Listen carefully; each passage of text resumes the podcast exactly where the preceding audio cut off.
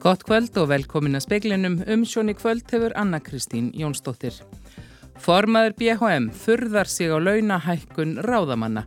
Einungist tveimu mánum eftir að sami var við ríkið og BHM félagar þurft að sætta sig við krónutölu hámark. Forsætisráð þeirra segir skinsamlegt að leifa áfram tollfrjálsan innflutning landbúnavara frá Úkrænu, tímabundin tolla undan þá að fellur að óbreyttu niður um mánaðamótin.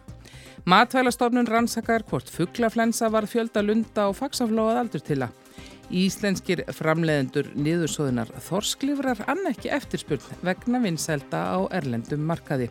Og það eru blikur á lofti á húsnæðismarkaði, segir aðstofforstjóri húsnæðis og mannverkastofnunar og hefur áhyggjur af samdrætti í byggingum.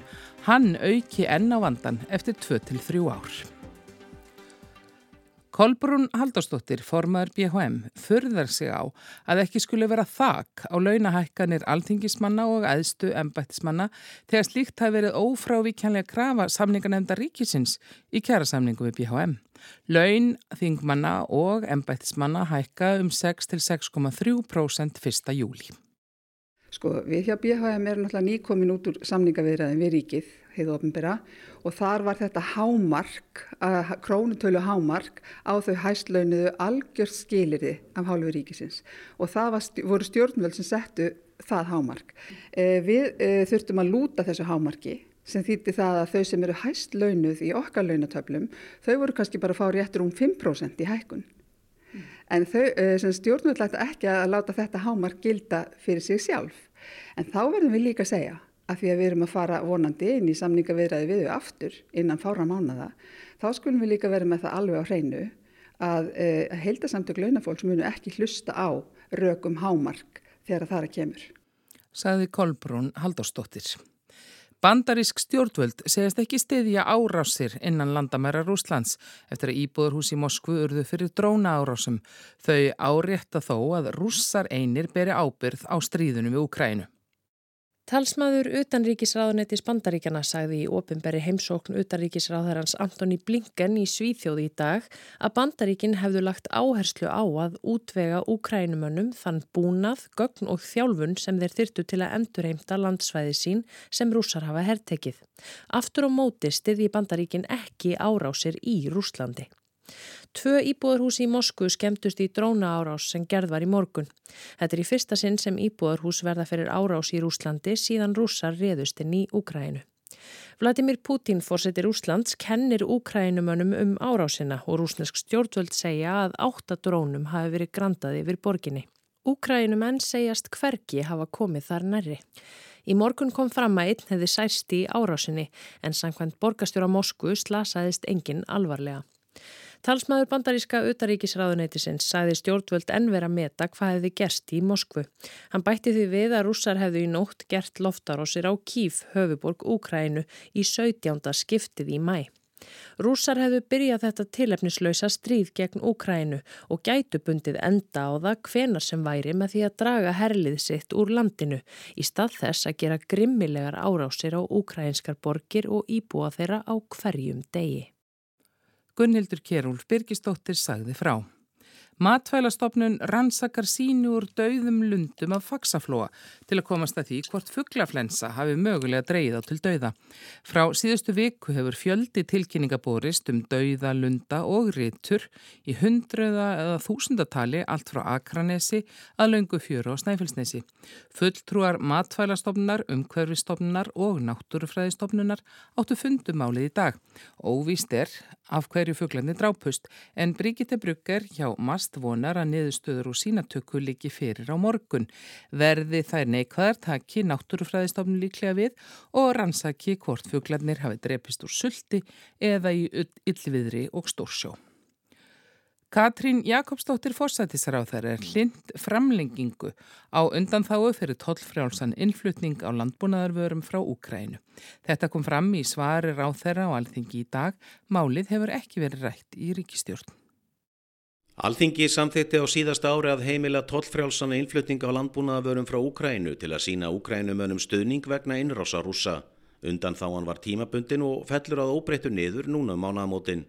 Félag atvinnureikanda hefur óskað eftir að undan þá hann verði framleint en samtök fyrirtæki í landbúnaði hafa hins vegar lagst eindreið gegn því. Þau telja meðal annars að innflutningur á kjúklingakjöti frá Úkrænu hafi skadað innlenda framleiðslu. Þorgerður Katrín Gunnarsdóttir formað viðresnar tók máluð upp í fyrirspunnatíma á alþingi í dag. Hún gaggrindi ríkistjótuna fyrir seinagangi málinu og sagði mikilvægt að þessum stuðningi yrði framhaldið. Því pólitík í þessu máli, þegar kemur að því að styðja Úkrænu með ráðum og dáð, þá þýðir ekki fyrir okkur að líta bara inn á við og segja við ætlum að styðja Úkrænu en bara við ekki ef það snertur okkar bakart.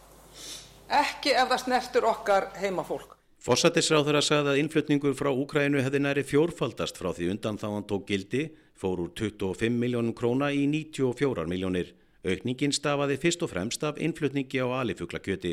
Við vitum það að það hefur verið rætt um það að það sé mikilvægt að hafa eftirlit með þessu umfangi og ég er algjörlega sammála því að það er mikilvægt að fylgjast grannt með en um leið hefði ég talið það skynsamlega ákvörðun að halda þessu áfram. Málið hafi þó ekki verið rætt í ríkistjórn. En ég mun kanna hver staða málsins er sem væntanlega liggur bæði hjá hæsturstu matvælaráþur en ekki síðu fjármála efnaðisráþur sem fer með uh, skatta og gjöld og, og tolla. Saði Katrín Jakobsdóttir, hauskuldur Kári Skram tók saman.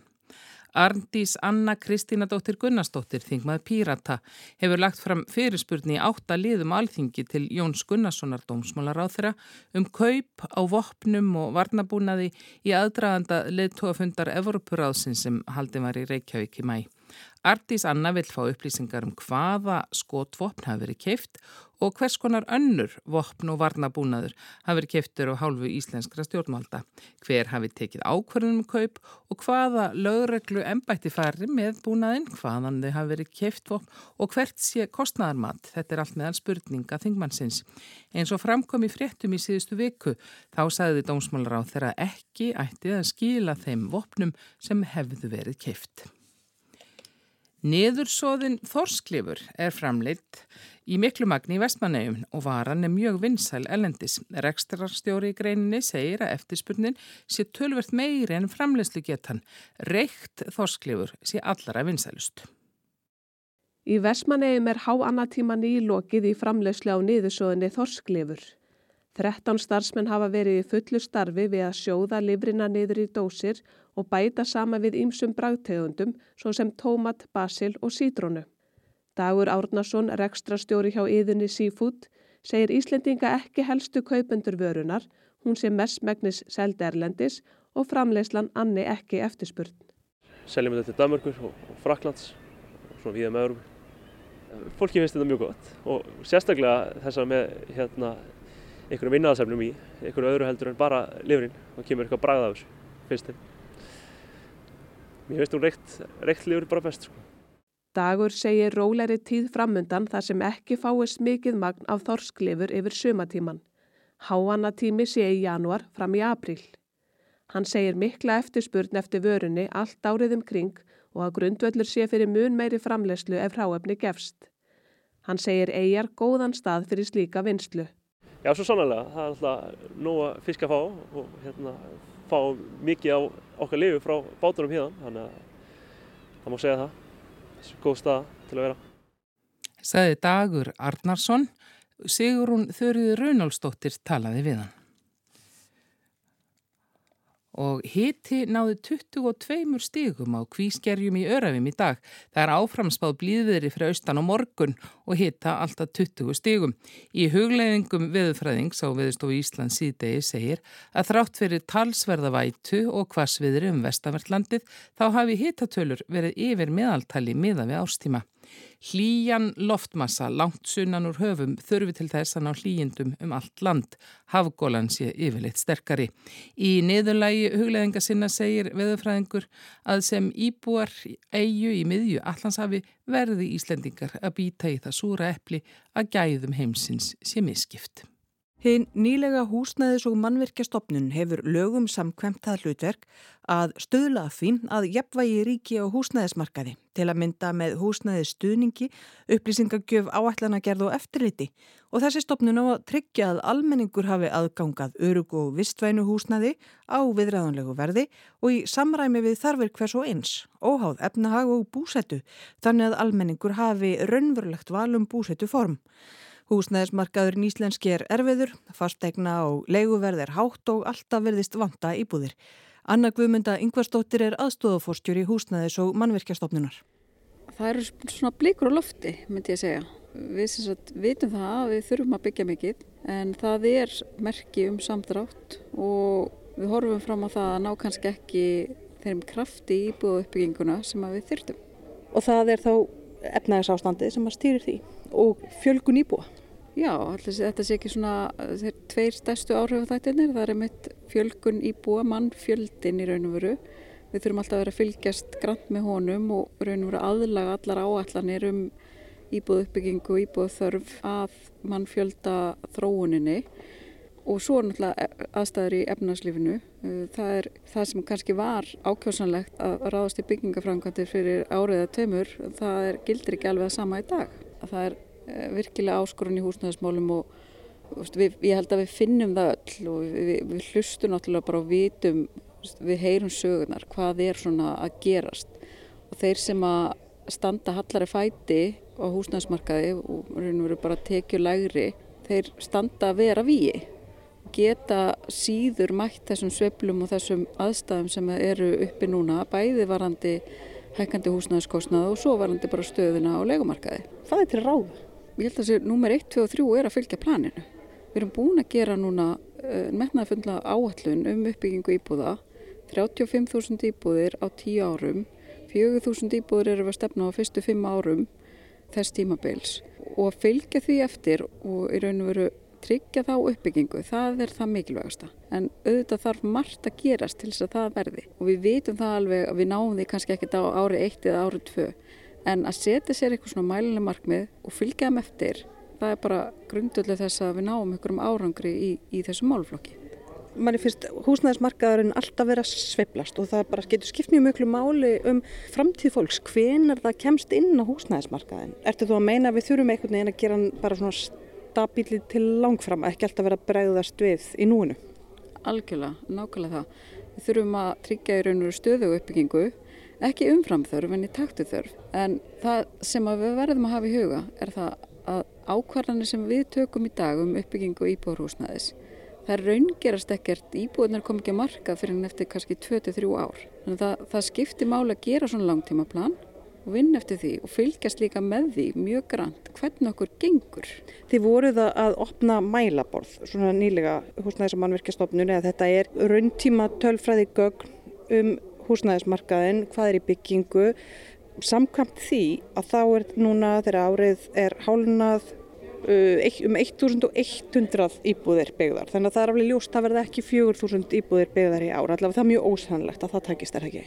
Jú, það er ósannlegt. Uh, vonir standa til þess að við náum 3000 íbúðum en það er heldur ekkert ljóst að við náum því. Það sem að kannski við höfum meiri ágjur af núna Það eru til dæmis fréttir frá samtöngum miðnaðarins að það sé verið samdráttur í, í raun og veru verkefnum sem að, að byggingaræðilega er að fara á stað með því þá vitum við að samdrátturum verður ennþá meiri eftir 23 ár. Núna er mikilvægt einmitt að spýta í og nýta þann kraft sem við eigum í byggingaræðinaðanum hérna. Þetta hefur verið sveiflukent og byggingaræðinarinn er afskaplega sveiflukentur yðnar hér á Íslandi. Sveiflast miklu meira heldur en er raun og verið hagsveiflar. Þannig að, sagt, að sá yðnar, hann, hann hefur þurft einhvern veginn að draga miklu meira saman heldur en kannski aðrir, segja upp starfsfólki, flytja aðfengulandi og slíkt og það er síðan erfitt fyrir það að byggja þetta upp aftur það gengur svo hægt þannig að það er mjög mikilvægt að tryggja frekar stöðu uppbyggingu.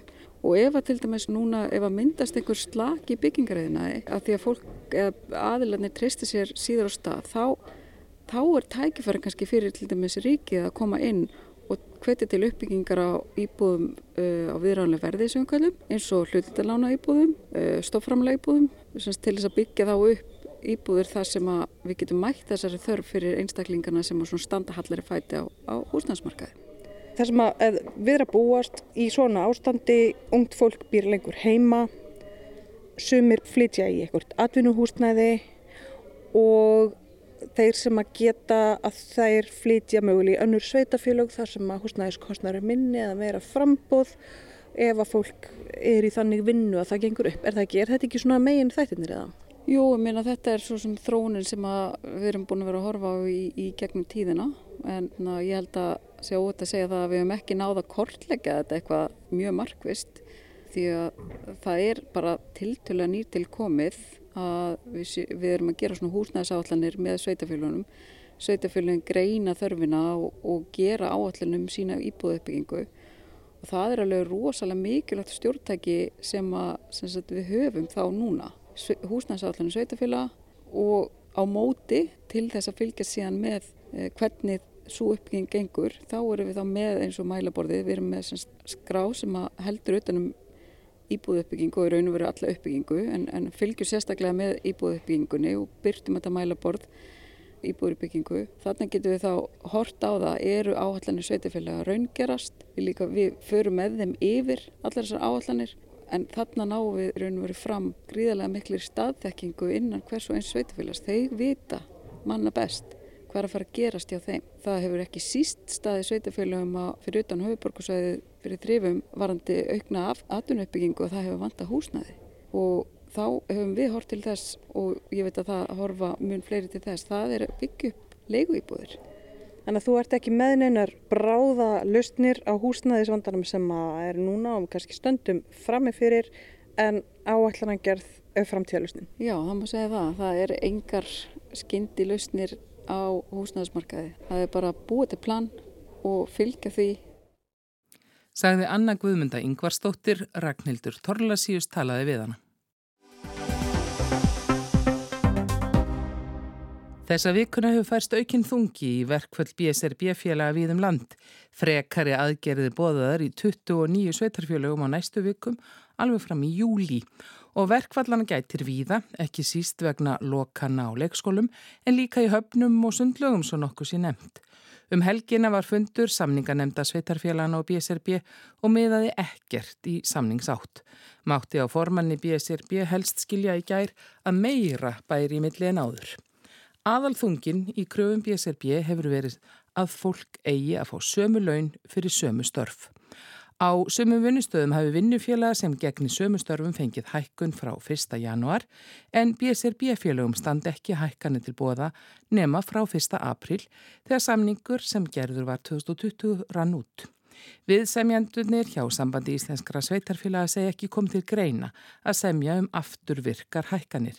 En er þetta deila sem mætti leysa fyrir félagsdómi? Lára var fjúliustóttir lögfræðingur og sérfræðingur í vinnurétti segir að hægt sé að fara með ímismál til félagsdóms en þau verður þó annarkvort að varða brot á kjærasamningi eða á lögum um stéttarfélug og vinnudeilir. Þetta mál þarf að segja spurningum það hvort að vinnudeila þarna er, er lögumætt eða ólögumætt.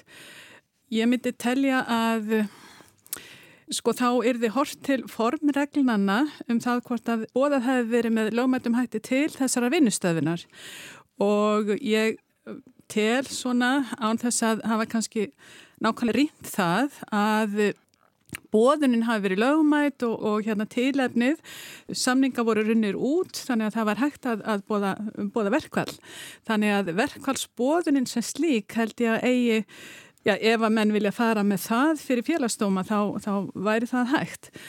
Það atriðið sem að delt er um þarna, hvort að sko krafan sjálf sé réttmætt um leðrættingu á launum vegna samnings sem var löngu gerður, að þá verður náttúrulega segjast eins og er að, að svo krafa á alls ekki undir félagsdóm. Það væri krafa sem að leti að því hvort sko samningur hafi verið endur eða ekki og ég get ekki betur séð en að sá samningur hafi að fullu verið endur.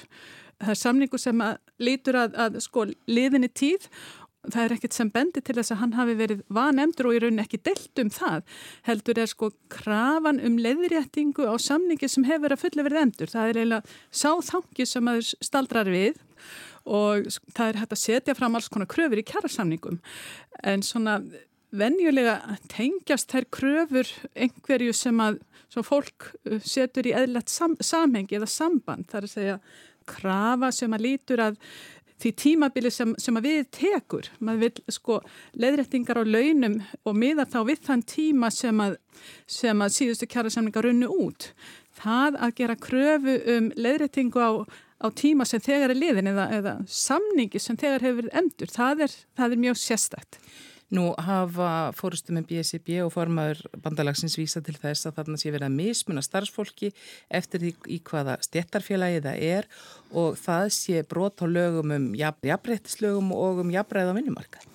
Sko það eru til lög um jafna meðferð á vinnumarkaði sem að uh, tóku gildi 2018 og það er hverðin á að það, það sé óheimilt að mismuna fólki á vinnumarkaði.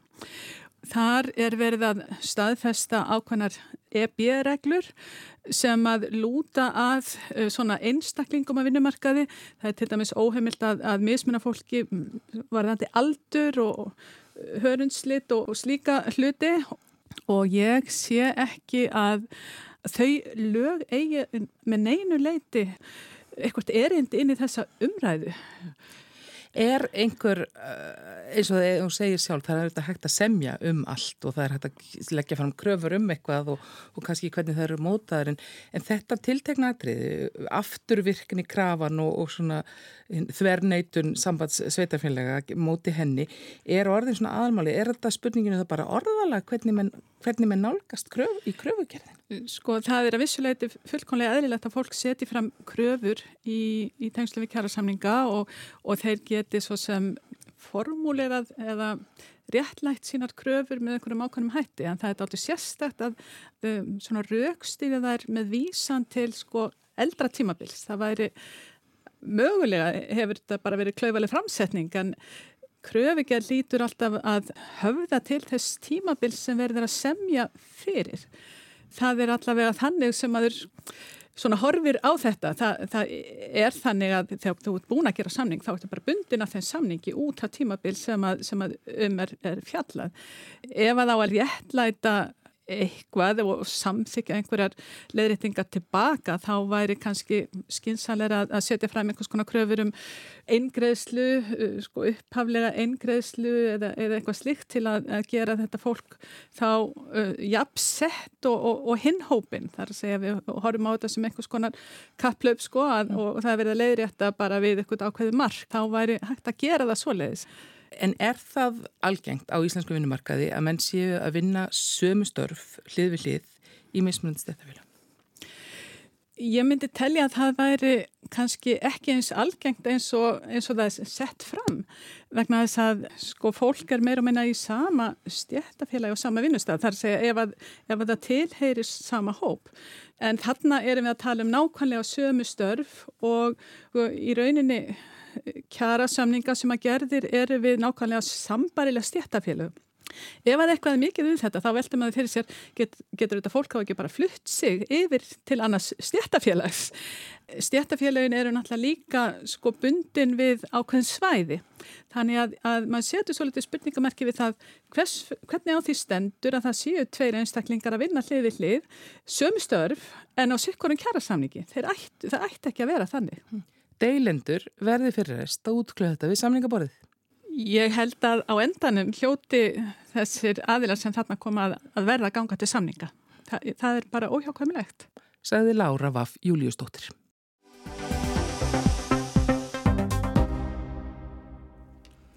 Von er á öllum utanríkisráþarum NATO til Óslóar á morgun. Öllum nema utaríkisráð þeirra Tyrklands. Sjálfgefið er að rætt verðu um möguleg stríðslokk í Úkrænu og stefnuna eftir það. Mörg sömu ríkin sendar sína ráð þeirra og komu á Evropurráðsfundin í hörpu. Gísli Kristjánsson. Í raun hefur ekkert gerst á vikstöðunum í Úkrænu síni fyrra annað enni linnulegs mandráp. Víglínan er í stórum dráttum svo sama Íbúar Úkrænu fá stöðugt yfir sig ströym af eldflögum og drónum frá Rúslandi, sjúkrahús, skólar og íbúablokkir er í rúst en výlínan er að mestu óhögguð. Öllum nálagum þjóðum er ljóst að við þetta verður ekki búið. Ekki gagvart fólki í Úkrænu, ekki gagvart almenningi og ungum rússum sem neittir er í herin og ekki gagvart efnahaga Evrópu. Það er samdráttur í hagkerfi Þískalands. Stríðið er dýrt sama hvar á er litið, er einhver lausn í sjónmáli. Þetta er ennmitt fyrir sjáanlegt umræðu efni þegar flestir utaríkisráð þeirra NATO-ríkjana koma til Óslóar á morgun til óformlegra viðræðna. Óformlegt þýðir að ekkert verður ákveðið, ekkert undirritað og allir fara að hugsi heim. En þegar svo alvarleg vandamálur rætt meðal svo hátsettra ráðamanna má rekna með að stefna verði mörguð. Eitt er umsókn úkrænumanna um aðild að NATO. Jens Stoltenberg, frangvandastjóri bandalagsins, hefur sagt að Úkræna eigið öllu eðlilegu að vera NATO-ríki.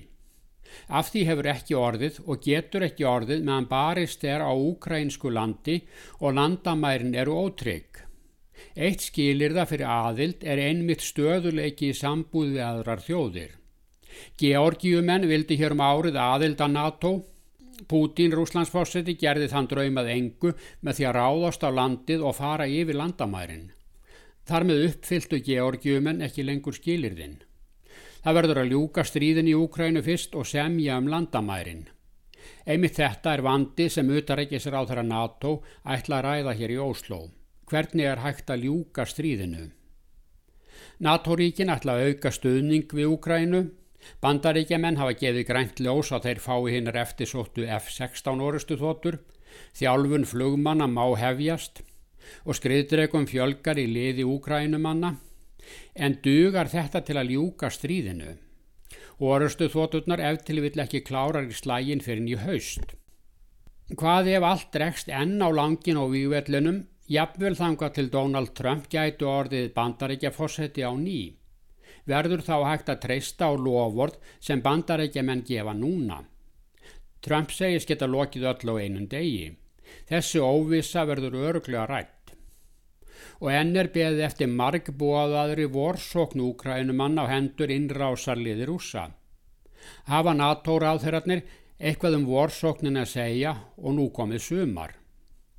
Gamlir hersóðingjar hafa sagt að slík vorsókn gæti aldrei komið til fyrir nýjúni en að núna eftir mánaðanmótin verði látið til skarar skrýða. Úkrænumenn hafa varist af snild en eru þeir útbúnir í sókn. Þetta er stríð þar sem vörninn er sterkari en sóknin. Staðan núna er svo að Pútín heldur því sem kalla mætti plan B. Það er að hann ræður yfir landveginum út á Krímskaga, hann ræður yfir Krímbrunni og hann ræður yfir Krímáveitunni sem fær vatn frá Úkrænu. Búskapur á Krím er háður þessu vatni. Ef stríðinu líkur í þessari stöðu hefur Pútín sigrað. Hann komst ekki í höfn með plan A sem var að skipta um ríkistjórn í kýf en hann heldur núna landinu sem hann vildi ná. Við þetta getur hann búið. Víglinan gæti frosið þar sem hún er núna og stríðinu ekki lokið næstu áratögi, rétt eins og gerðist á Kóreuskaganum. Við svo búið heldur Pútín sínu og heldur Úkrænu í heljargreipum og utan NATO. Geta NATO-ríkin sætt sig við svona stríðslokk. Um þetta verður rætt hér á ráþarafundinum. Svarið er öruglega nei, það er ekki hægt að láta Pútin komast upp með sitt árásar stríð. Nú og svo þarf að ræða hver á að taka við af Jens Stoltenberg þegar hann hættir í Brussel í haust. Sagt er að hann gæti seti svo lengi sem hann vildi, en hann vill ekki. Það verður að finna nýjan framkvæmdastjóra fyrir NATO fyrir haustið. Og svo er aðild svíja að NATO Þar hafa Tyrkið staðið í vegi en það vekur aðtikli að Tyrkneski utarækisráþurann kemur ekki. Það er því ekki við Tyrkja að ræða um sænska NATO aðild að þessu sinni. Og þá komið að líta til, á veðurhorfur, það verður vestlega 8, 8 til 15 metrar á sekundu, 5 til 13 í kvöld og hitti 6 til 12 stig, viða bjart á austanverðurlandinu með 12 til 20 stig að hitta. Vestlæg eða breytileg 8, 5 til 13 á morgun og skýja með köplum en líkur á þokusúld vestan til eftir hádegi. Áfram bjartað mestu fyrir austan og hitti 8 til 20 stig hlýjast á söðustulandi. En fleiri er ekki speklinum í kvöld. Tæknimaður var Þorbjörn Gísla Kolbrunarsson, Margret Júlia Ingimarsdóttir stjórnaði útsendingu. Veriði sæl.